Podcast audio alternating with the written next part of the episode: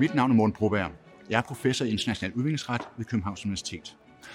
Det vigtigste mål med min forskning inden for international udviklingsret, det er at bidrage til at forbedre levevilkårene for de mest udsatte grupper i udviklingslandene. International udviklingsret behandler de juridiske spørgsmål, som særligt angår udviklingslandene. Vi deler normalt fad ind i tre underområder. For det første arbejder vi med reguleringen af udviklingsbistand.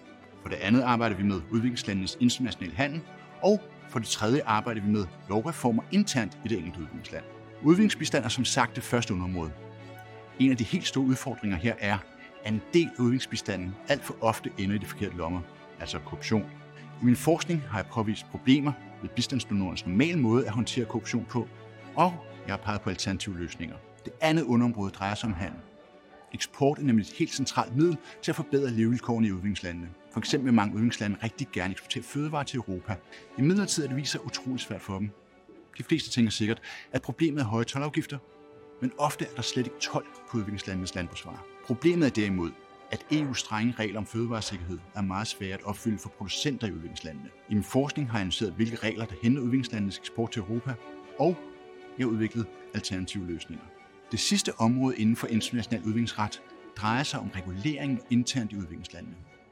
Jeg er her særligt interesseret i at finde ud af, hvordan udviklingslandene kan bruge lovgivning til at skabe effektive interne markeder for fødevarer. Målet er, at producenter i områder i et udviklingsland, hvor der er fødevareoverskud, let skal kunne sælge dette overskud til områder med fødevaremangel. Hvis jeg lykkes med denne del af min forskning, så vil det faktisk betyde, at udviklingslandene kan bruge lovgivning til at mindske risikoen for sult.